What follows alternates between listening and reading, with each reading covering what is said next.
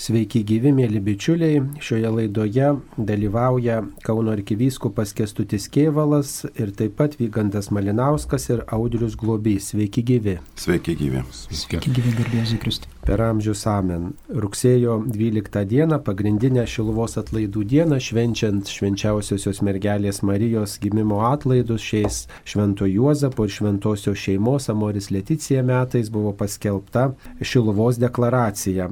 Taigi šioje laidoje kalbamės apie tai, kas yra toji Šiluvos deklaracija ir kodėl ji būtent Šiluvos ir kodėl reikia Šiluvoje kažką deklaruoti.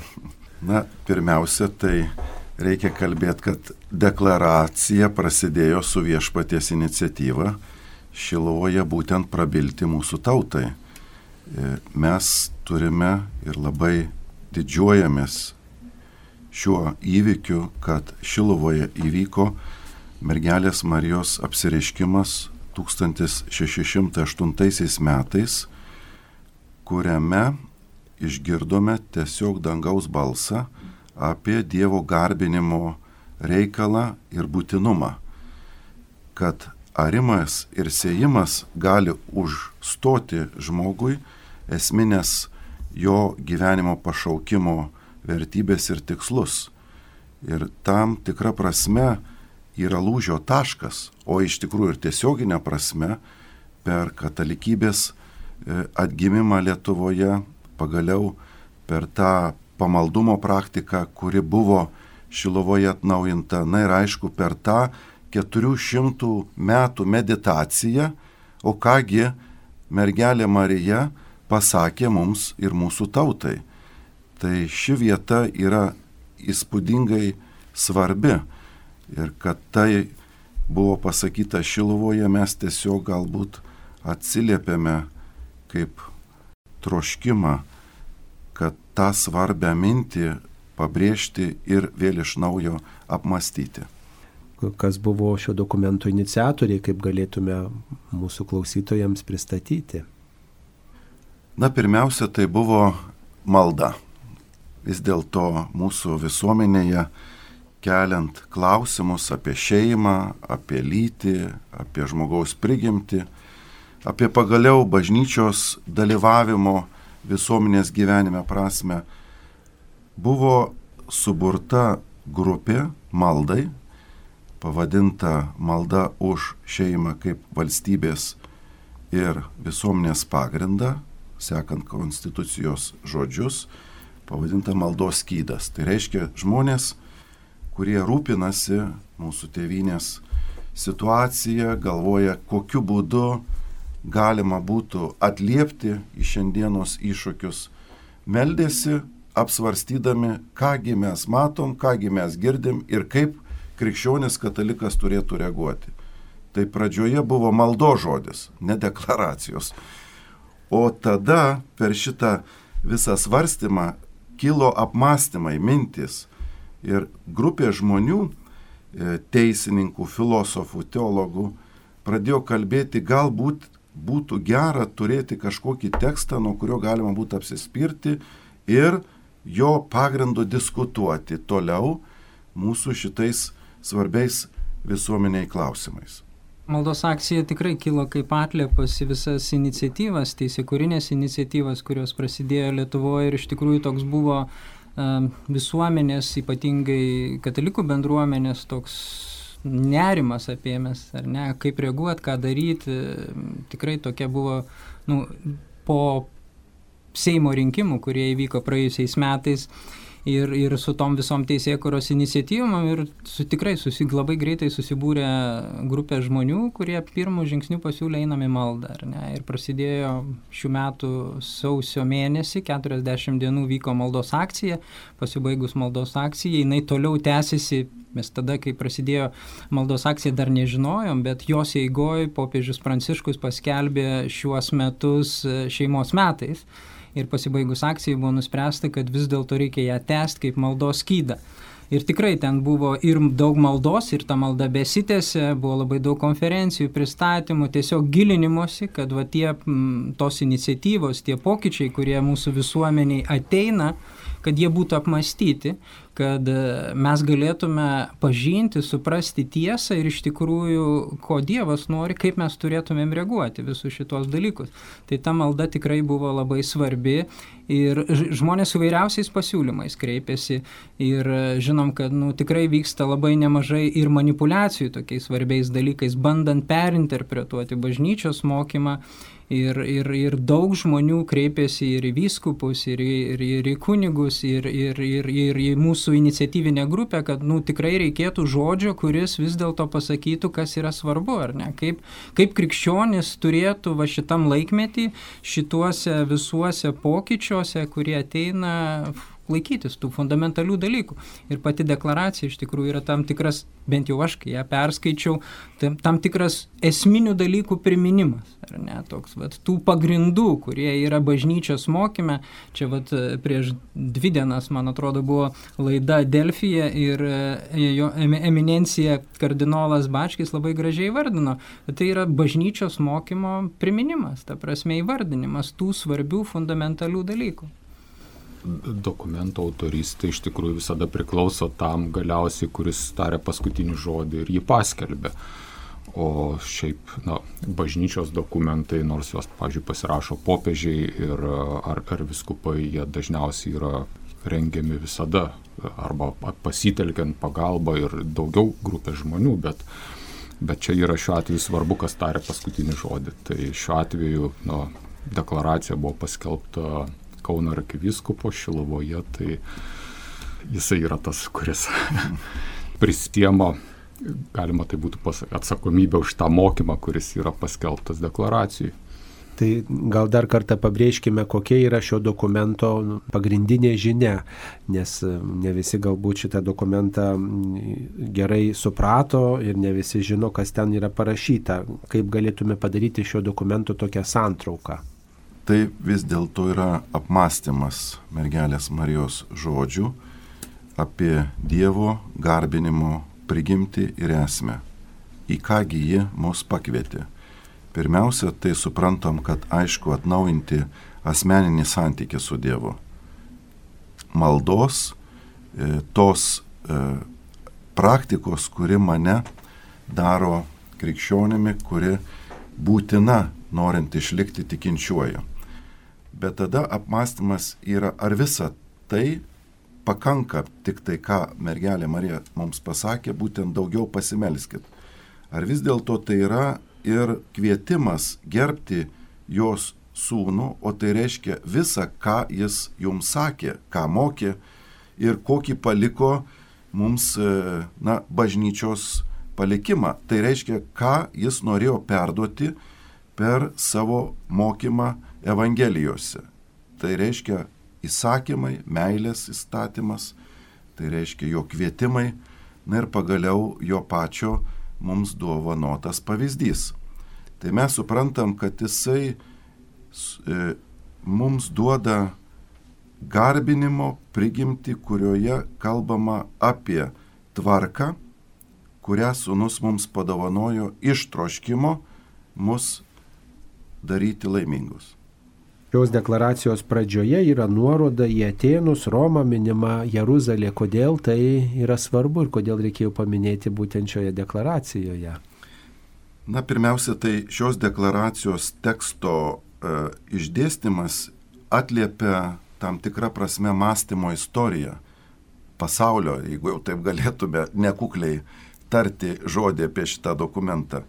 Pirmiausia, tai pastangos iki Kristaus laikų rasti, na, šito pasaulio pagrindinius principus, kaip sugyventi, kas yra žmogus, kas yra prigimtis ir kaip ją įskleisti taip, kad žmogus būtų laimingas. Yra universalus troškimas būti laimingu. Tai kaip tą padaryti? Tai būtent Atenuose gimsta filosofinė tradicija. Mes priskiriam ne Platonas, Aristotelis, labai galingos vakarų filosofijos figūros, kurios padėjo pagrindus vėliau ir teologiniam apmąstymam, kuriuo naudojasi Tomas Akvinietis ir kiti. Tada Romoje kyla e, ta teisinė samprata, kad visuomenę laiko įstatymai, ir Roma nepaprastai pasiekė didžių laimėjimų, sukūrisi galingiausią imperiją. Tik tai tie, kad mes žinome, buvo niuansai dėl pačio įstatymo legitimumo.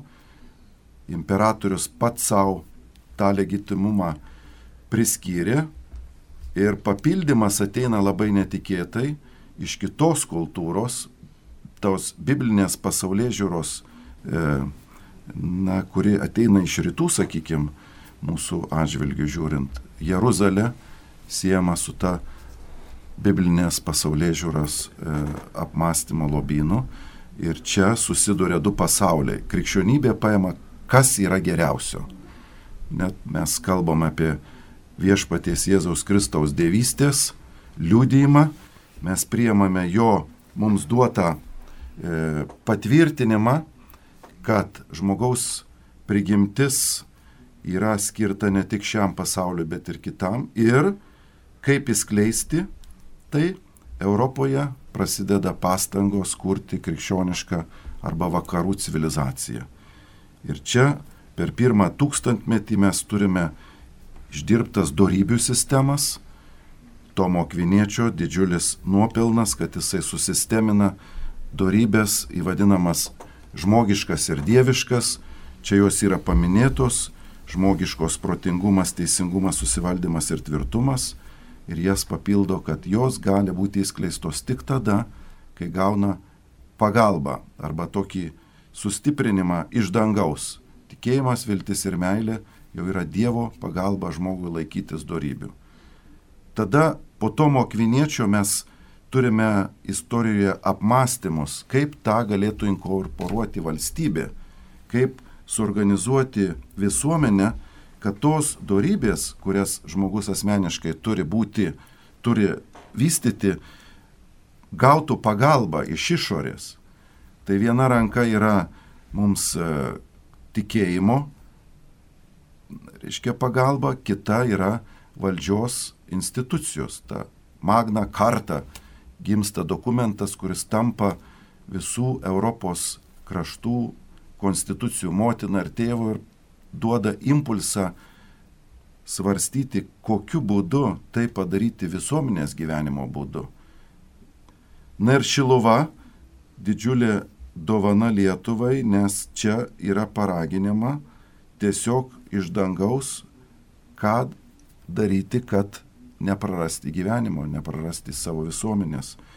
Ir tą balsą išgirdę, mes jau dabar po 400 metų suprantam, kodėl jisai skambėjo Lietuvoje. Juk čia totalitaristiniai režimai mus ištiko.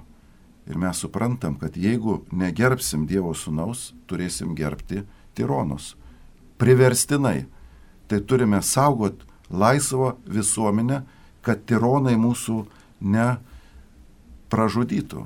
Ir laisvos visuomenės tie poliai yra va, būtent paskutinė ta deklaracijos dalis, kurioje išvardintos e, valstybės laisvos svarbiausios teisės, mes sakom, visuomenės gėriai, kurie asmenį ir visuomenę laiko ir tokiu būdu e, ji gali išlikti laisva. Apie tuos gėrius dar pakalbėsime vėliau. O, o dabar gal staptilkime ties dorybėmis. Kodėl štai deklaracijoje kalbam apie dorovės laikymasi, apie dorybės, e, juk bažnyčios mokymas nuolat skelbia šitas tiesas, kodėl štai deklaracijoje reikėjo tai priminti.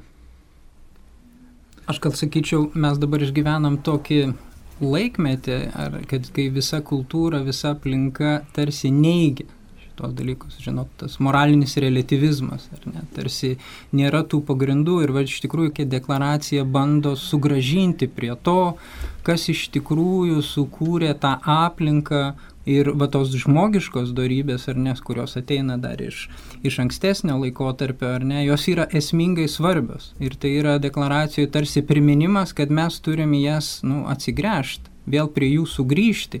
Ir darybės nėra tai, kad tu jas gali teoriškai išmokti, ar ne? Darybės yra praktikavimas. Tu negali tapti tvirtų, žiūrėdamas uh, filmus ar žaisdamas kompiuterinius žaidimus apie tai. Tu iš tiesų turi priimti tam tikrus gyvenimo iššūkius, kad tu galėtum, kad tu būtum teisingas, ar ne? Va dabar vyksta įvairūs svarstymai iš tikrųjų ir įstatymų, ar ne? Ir mes turim būti teisingi. Bet ką reiškia teisingumo darybė? Tai reiškia suteikti teisingai yra tai suteikti tai, kas priklauso, ar ne, ne nepažeidžiant tų tam tikrų principų. Tai deklaracija iš tikrųjų kviečia sugrįžti, atsigręžti, nes moralinis relativizmas įneša ne tik tai susiskaldimą, ar ne, išplauna tos fundamentalius dalykus, bet įneša sumaišti, ką mes išgyvenam dabartiniai visuomeniai, ne tik Lietuvoje, bet ir, ir kitose šalyse, susiskaldimą ir kas yra pats didžiausias pavojus, ką ir dauguma mokslininkų dabar atpažįsta, kad tai veda į tam tikrą diktatūrą, kada iš tikrųjų visuomenė, kadangi jinai pati, neugdydama savyje duorybių asmenis, bus reikalingi vis griežtesni įstatymai jėgos veikimas, kad suvaldyti tas visuomenės. Tai deklaracijoje yra kalbama apie tai, kad nu, sugrįžkim prie to paveldo, pažvelkim į tą paveldą, nenubraukim jo ir kad būtų tam tikras testinumas, kaip ir krikščionybė nenubraukė Atenų, nenubraukė Romos tai, kas tenai gimė, bet tiesiog per, perėjo į kitą laikotarpį su savo tam tikrų įnašų. Ir vad kalbant apie žmogiškas dėrybas, čia yra kalbama apie dieviškas dėrybės ar dovanas, kurias gaunam iš šventosios dvasios, kad viešpats mums padeda, sustiprina mus per dieviškas dėrybės tikėjimą, viltį ir meilę.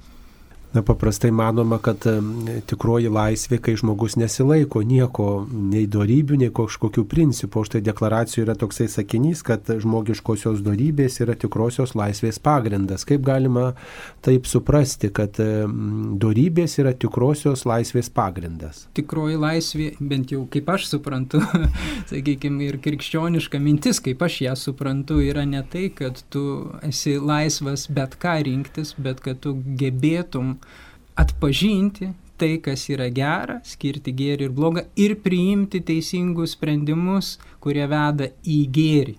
Ne? ne tai, kad tu tiesiog esi laisvas daryti bet ką, čia gal atvygantas papildyti. Jo, čia iš tikrųjų mes grįžtame į Atenus. Vat, tas, ta mintis, kad žmogus iš tiesų gali būti laisvas, yra laisvas tik tada, kai jis gali pasiekti tai, kas jį daro laimingu. O žmogus gali pasiekti tai, kas jį daro laimingu, tik tuo atveju, jeigu jis išsiugdo savyje darybės. Ir tas darybių sąrašas, kuris yra minumas ir deklaracijų, tai jis ateina iš tikrųjų iš Atenų. Ir čia todėl yra svarbu tuos dalykus mums prisiminti, nes jeigu dar kiek grįžtumėm į mūsų tą pokalbį šiek tiek truputį atgal, kodėl, sakykime, ta deklaracija ir kodėl reikia tuos dalykus minėti, tai kontekstas šiuo metu yra toksai, kad vakarų civilizacija yra, sakykime, tokio kaip ir šiuo metu kryškeliai ir sumaišti.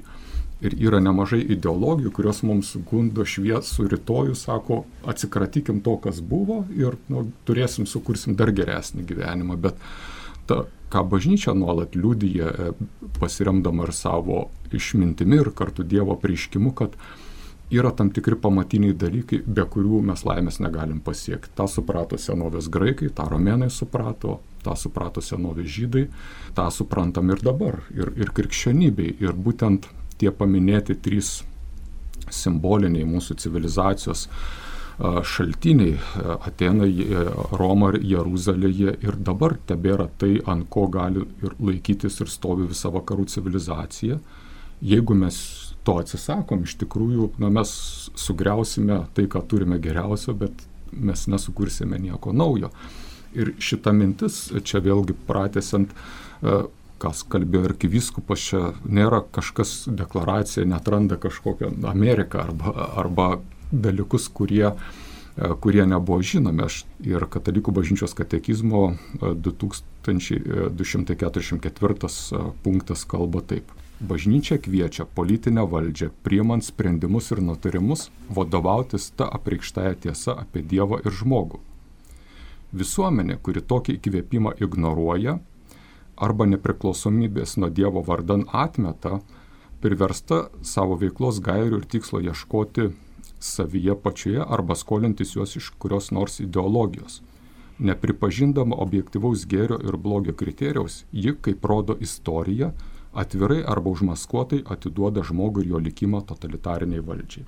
Jeigu norim suprasti deklaraciją ir jos tikslą, tai deklaracija yra priminimas tam tikrų būtinų tiesų, kurias šio laikinė visuomenė vis gundama pamiršti ir todėl na, visada yra pavojuje išvaistyti tą gėrį, tą kapitalą, iš kurio mes iš tiesų, kaip ir Šilovos metu sakė, pamokslo metu arkivyskupas mes gyvename ir dabar. Ir gal dar papildant Vygantą irgi yra labai svarbu, nes dėja ir mūsų visuomenė yra ir didžiulis susiskaldimas.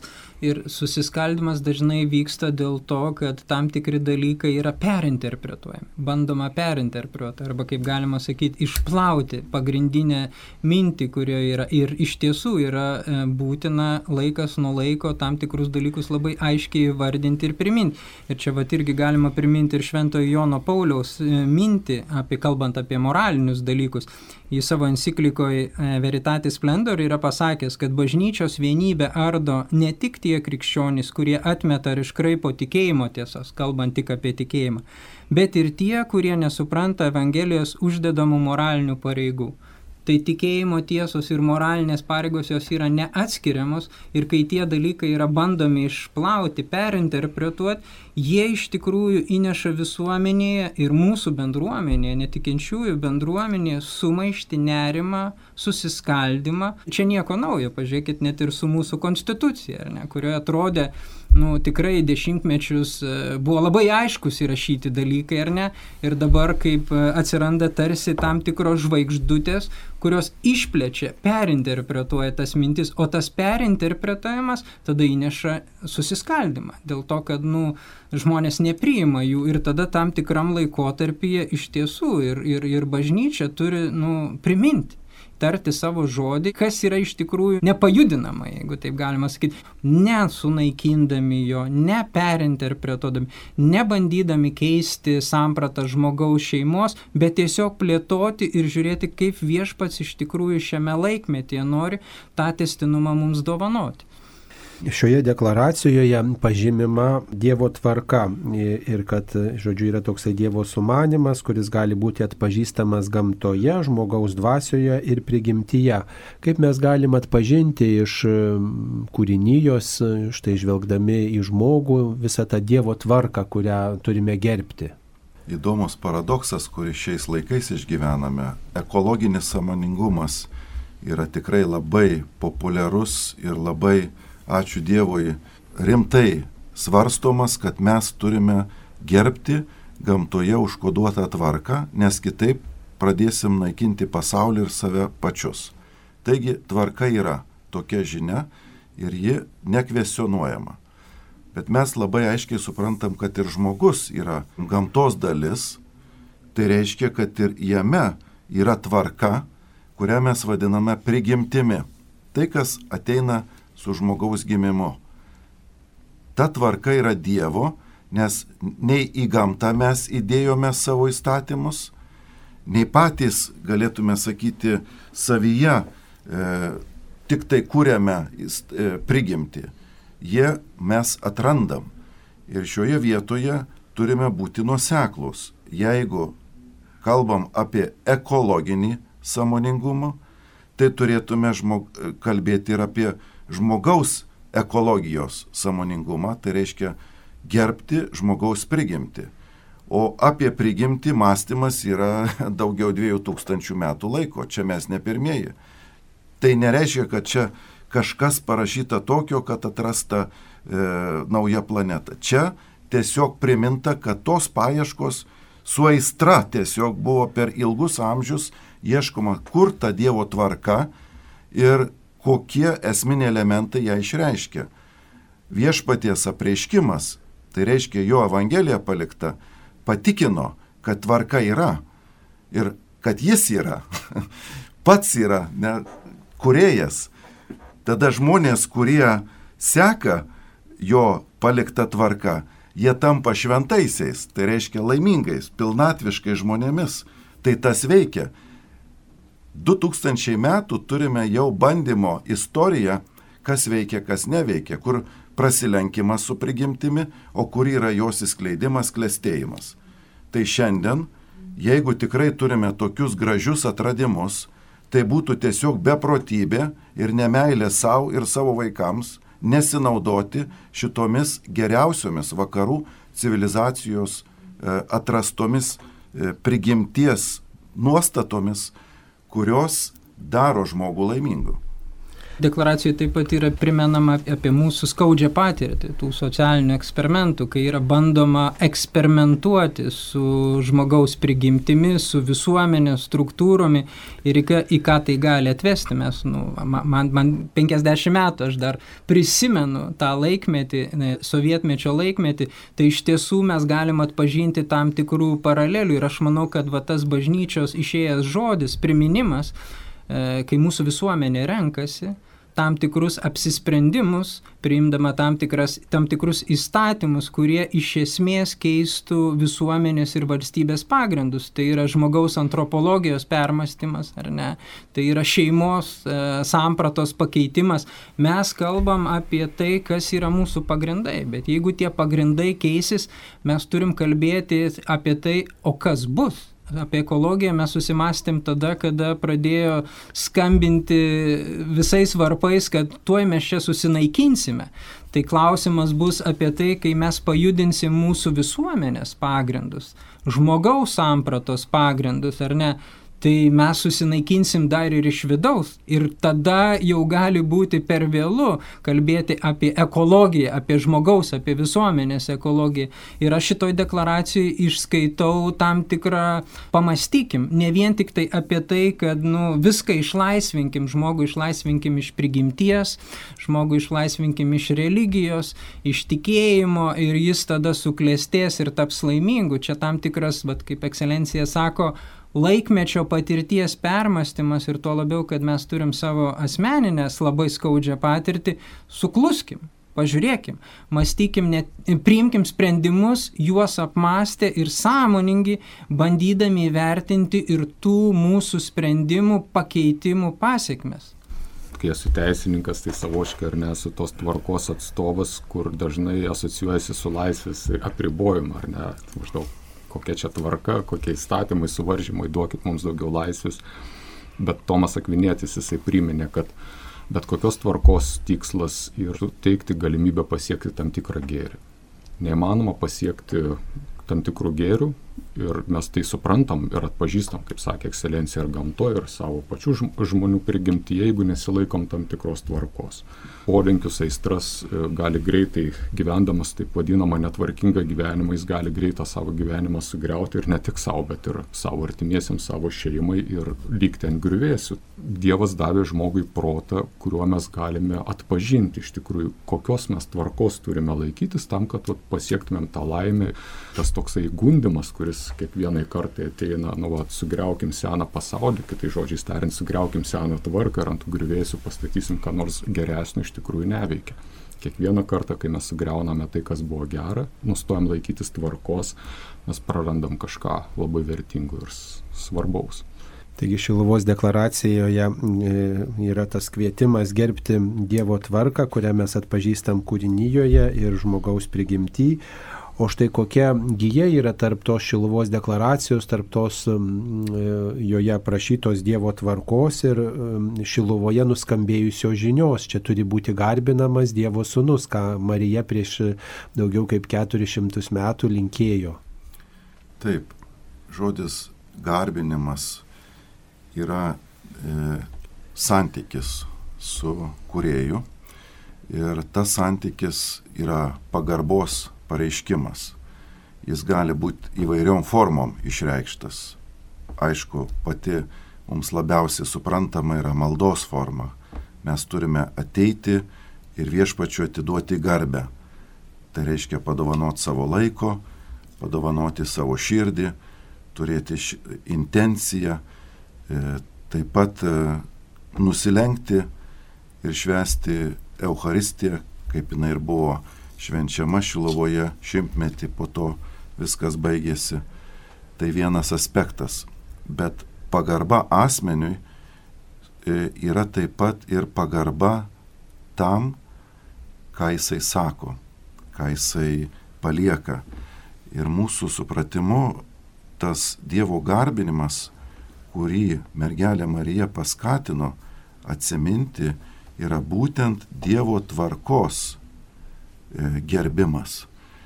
E, ne tik tai maldo žodžiais, nes mes apie maldą turime viešpaties įspėjimą, ne tie, kurie sako viešpatė, viešpatė, pateks į dangaus karalystę, bet kurie vykdo mano dangiškojo tėvo valią. Tai reiškia, yra valia dar šalia mūsų gražių maldo žodžių.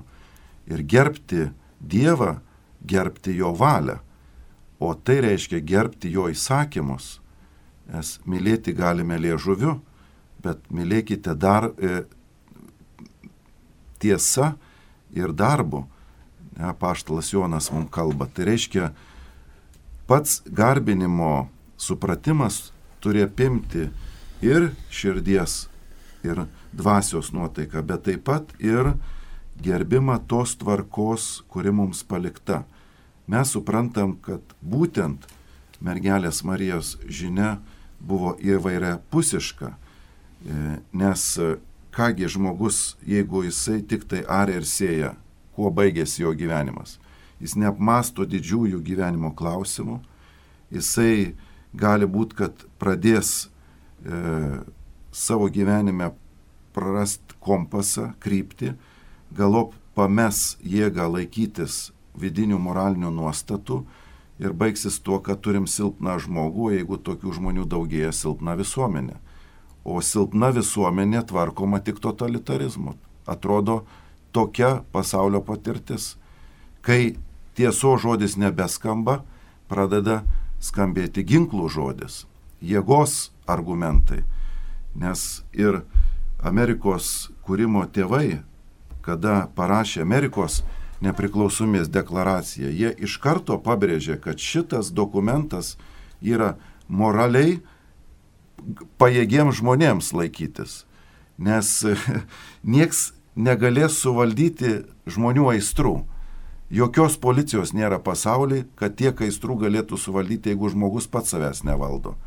Tai laisva visuomenė yra įmanoma tik tada, kai žmogus save vid, viduje įvaldo, tai reiškia laikosi tam tikros tvarkos ir tada turi laisvą visuomenę.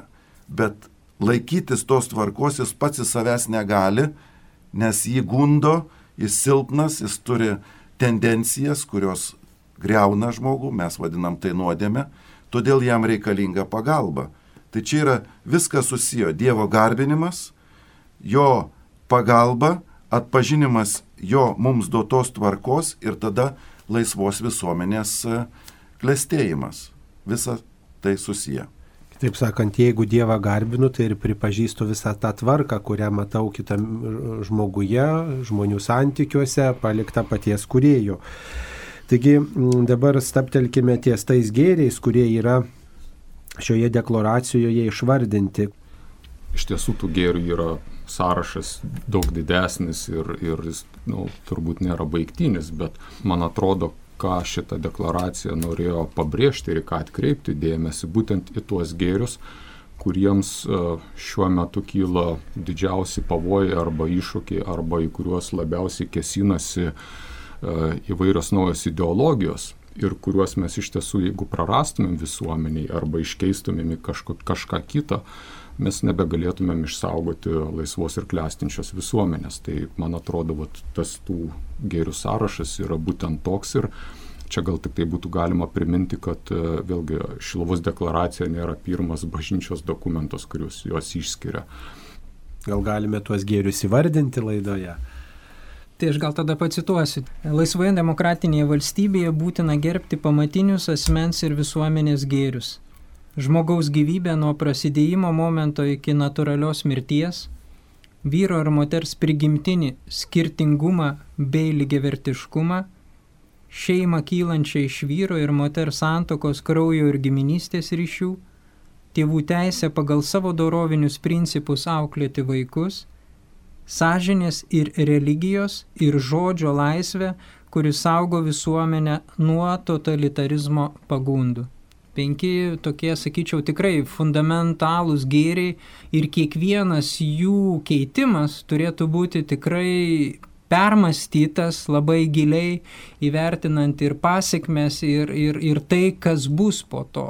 Ir pavyzdžiui, vienas iš tokių vadgėrių paminėtų vyro ir moters prigimtinį skirtingumą bei lygivertiškumą. Mes kalbam apie lygybę, ar ne? Bet va čia bažnyčia tą įvardina kaip skirtingų lygi, lygivertiškumą. Vyras ir moteris iš prigimties yra skirtingi ir lygūsmi skirtingi. Ir, ir taip pat apie kitus gėrius galima būtų pasakyti. Norėtųsi gal staptelti tie žodžių gerbti kaip e, tą pagarbą mes galim išreikšti va, įstatymų leidėjai ir taip pat paprasti žmonės, kurie štai laikosi katalikų bažnyčios mokymų. Gerbti tai pirmiausia gilintis į pačią šito gėrio esmę, kodėl būtent mes turime šį gėrį kaip gėrį. Gerbti taip pat reiškia ir priimti arba vidujai pritarti šito gėrio esmei tai neprimestas gėris, nes jis toks tada nebūtų. Turi jis būti apmastytas ir primtas kaip mano pritarimas. Laisvai pasirinktas. Laisvai pasirinktas ir pritarimas, kuris tampa mano savastimi. Ir aš taip manau, galėtume sakyti, tada yra gėris ne tik kažkam, bet ir man. Na ir gėris dėl to, kad mes atpažįstame juose kurėjo braižą, kad tai nėra tik tai gėriai, kurie čia mūsų galvose gimė arba visuomenėse. Tas gėris yra transcendentinis, tai reiškia pranokstantis tik tai šią kultūrą, šios žmonės, pagaliau šio laiko pasaulį. Jis buvo atpažintas kaip gėris ir prieš 2000 metų ir anksčiau, ką mums sako biblinė istorija, ką mums sako filosofiniai svarstymai ir romėnų e, imperijos patirtis. Taip pat jie visi svarstė panašius dalykus ir atrado, kad tai yra gėris ir kad gerbti tai reiškia galop gerbti patį save, savo visuomenę ir tą, kuris paliko šios gėrius, tai reiškia kurėja, kuris faktiškai yra autorius tą, ką mes atrandame protu, tikėjimu ir patirtimi. E, gerbti tai pripažinti kaip svarbu tai, kas yra kitam svarbu. Vat, jeigu aš, sakykime, gerbiu tėtį ir mamą, tai aš tuo pačiu vertinu kaip svarbius dalykus tai, kas jiem yra svarbu. Sakykime, vat, jūsų gyvenimo, jeigu kažkokie dalykai yra svarbus arba e, jie kažką laiko svarbiu, tai aš negaliu elgtis taip, kad ai čia man yra visiškai tuščias dalykas, nes tokiu būdu aš tada ir nu, parodyčiau jiems nepagarbą. Tai man atrodo, grįžtant prie vat, mūsų santykių su Dievu, nu, Dievas pasako, yra gyvenime tam tikri dalykai labai svarbus. Ir e, jeigu aš gerbiu Dievo, tai aš tų dalykų negaliu laikyti nesvarbiais. Gerbdama šitos gėrius, e, juose atpažįstu Dievo nustatytą tvarką ir gerbdamas juos, reiškia juos saugodamas, jais gyvendamas, aš gerbiu Dievą. Katekizmas sako čia toj pačioj vietoj, kurią citavau, kad kalba apie tiesą, kad mes turime, ne šiaip čia nėra, kad mano, va, aš nusprendžiau, kad tai yra gėris ir, ir jau tai tapo gėriu, arba nusprendžiau, kad nėra gėris ir nustojo būti gėriu. Esminis dalykas yra tiesa. Ir man atrodo, čia vėlgi deklaracijų apie laisvę kalbama. Ir manau, kad nors ta nėra pacituota vieta, bet uh, jūs pažinsite tiesą ir tiesa padarys jūs laisvus, tai manau, kad yra viena iš tų vat, raudonų linijų, kurios eina per visą deklaraciją. Taigi, ko tikitės dabar iš visos bažnyčios bendruomenės paskelbų šią deklaraciją? Labai norėtųsi, kad kuo daugiau žmonių susipažintų su tekstu, kad jis nebūtų tik tai kažkoks mistinis tekstas, kažkur plaukiojantis ir dar skaldantis visuomenę, kad nebūtų, na, mes e, tokie, kurie esam svetimi šitam tekstui. Tai yra kvietimas pamastyti visiems apie tai ir pasižiūrėti, ar tinka mano pasaulyje žiūrai, supratimui, mano gyvenimo būdui tai, kas čia parašyta. Jeigu tikrai atliepia, širdyje kyla na, tam tikras uh, džiaugsmas, kad taip, aš panašiai mastau, aš matau tai pasaulį, aš pritariu, tada yra kvietimas tapti bendra autoriais šios deklaracijos, nes nenori autoriai, kurie prisidėjo prie šio teksto, būti tie, kurie čia, na, kažkaip įvardinti, kad čia jie jau atseit tokie protingi ir tokius dalykus rašo. Tai nieko nėra naujo. Čia yra bažnyčios socialinis mokymas. Jis vystomas jau pusantro šimto metų, tiksliai kalbant apie visuomenę, laisvę žmogaus prigimti šeimą, o šiaip yra 2000 metų mąstymo istorija. Jeigu jaučiu, kad aš pritariu, tai tarsi tampu bendraautoriu to teksto, tai jeigu pritariu, galiu pasirašyti internetinėje svetainėje www.šiluvosdeklaracija.lt. O jeigu neprieinu prie internetinių šitų prieigų, neturiu nei, nei interneto, nei elektroninio pašto, nes ne visi žmonės net ir šiais laikais naudojasi šiomis priemonėmis, kokie kiti būdai galėtų būti. Manau, kad pirmiausia tas pasirašymas, kaip ekscelencija labai gražiai pasakė, turi būti širdį. Ta prasme, tai tikrai čia toks, kaip sakyti, irgi tam tikras kvietimas mūsų bendrystiai, kas neturi galimybę prieimo prie interneto, tai manau, kad tikrai tą deklaraciją galima atspausdinti, padalinti, manau, kad jinai ir bus dalinama, jinai įgaus kažkokią tai formą, kaip jinai toliau gyvens mūsų visuomenė, mūsų, mūsų bažnyčioje ir, ir tikrai kvieščiau, čia nėra kažkoks tikslas uh, surinkti tam tikrą skaičių parašų, ar tikrai tokio tikslo nėra kelta. Ir, ir vat, e, maldos akcijos iniciatyvinė grupė, e, kai, kai sužinojom, kad ta deklaracija bus paskelbta, tiesiog kilo va tokia mintis sukurti internetinę svetainę, patalpintą deklaraciją, patalpinti video įrašą, kada jinai taip gražiai ekscelencijos buvo tėviškai paskelbta, tarsi vat, kviečiant, išsakant tą, tą mintį, primint primenant tuos fundamentalius dalykus, tai, tai tikrai kvieščiau jaunimą, jeigu vyresniems žmonėms, sudaryti galimybę pasirašyti internetiniu būdu, jeigu yra toks troškimas viduj širdie, nes pasirašymas yra labai paprastas. Vardas, pavardė, e-mailas arba telefonas. Būkim kūrybingi šitam procese. Taigi, baigdami šią laidą, kaip galėtume apibendrinti Šiluvos deklaraciją, kas tai yra ir kodėl to reikia? Mums, mūsų visuomenė reikia atsinaujinimo. Ir atsinaujinimas visada prasideda nuo grįžimo prie to, kas yra svarbiausia. Šita deklaracija mums primena, kas yra bažnyčios požiūrių svarbiausiai tam, kad mes galėtumėm išlikti laisvą ir klestinčią visuomenę kai vat, perskaičiau tą deklaraciją, tai toks e, tarsi viduje buvo išgyvenimas, žydai sugrįžo iš tremties ne, ir, ir, ir jiems priminė įsakymus tam tikrus.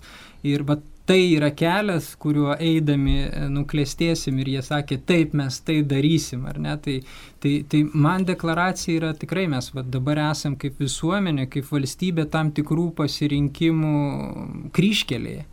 Čia bažnyčia mums primena, remkimės į tas atramas, nes e, tam tikri dalykai yra pavojingi, rinkimės, rinkimės tiesos ieškojimo kelią ir nesistokim į Dievo vietą, bandydami nuspręsti, kas yra gera, kas yra bloga, bet bandykim atpažinti, išvelgti Dievo tvarką ir daryti tuos pasirinkimus iš tikrųjų, kurio, kurie darys mus iš tiesų laisvus ir laimingus. Ir galop reikia paminėti, kad ši deklaracija yra kvietimas į mūsų tautos vienybę. Mes pradėjome kalbėtis apie tiesos sampratą, apie gėrius, apie vertybės ir labai daug interpretacijų.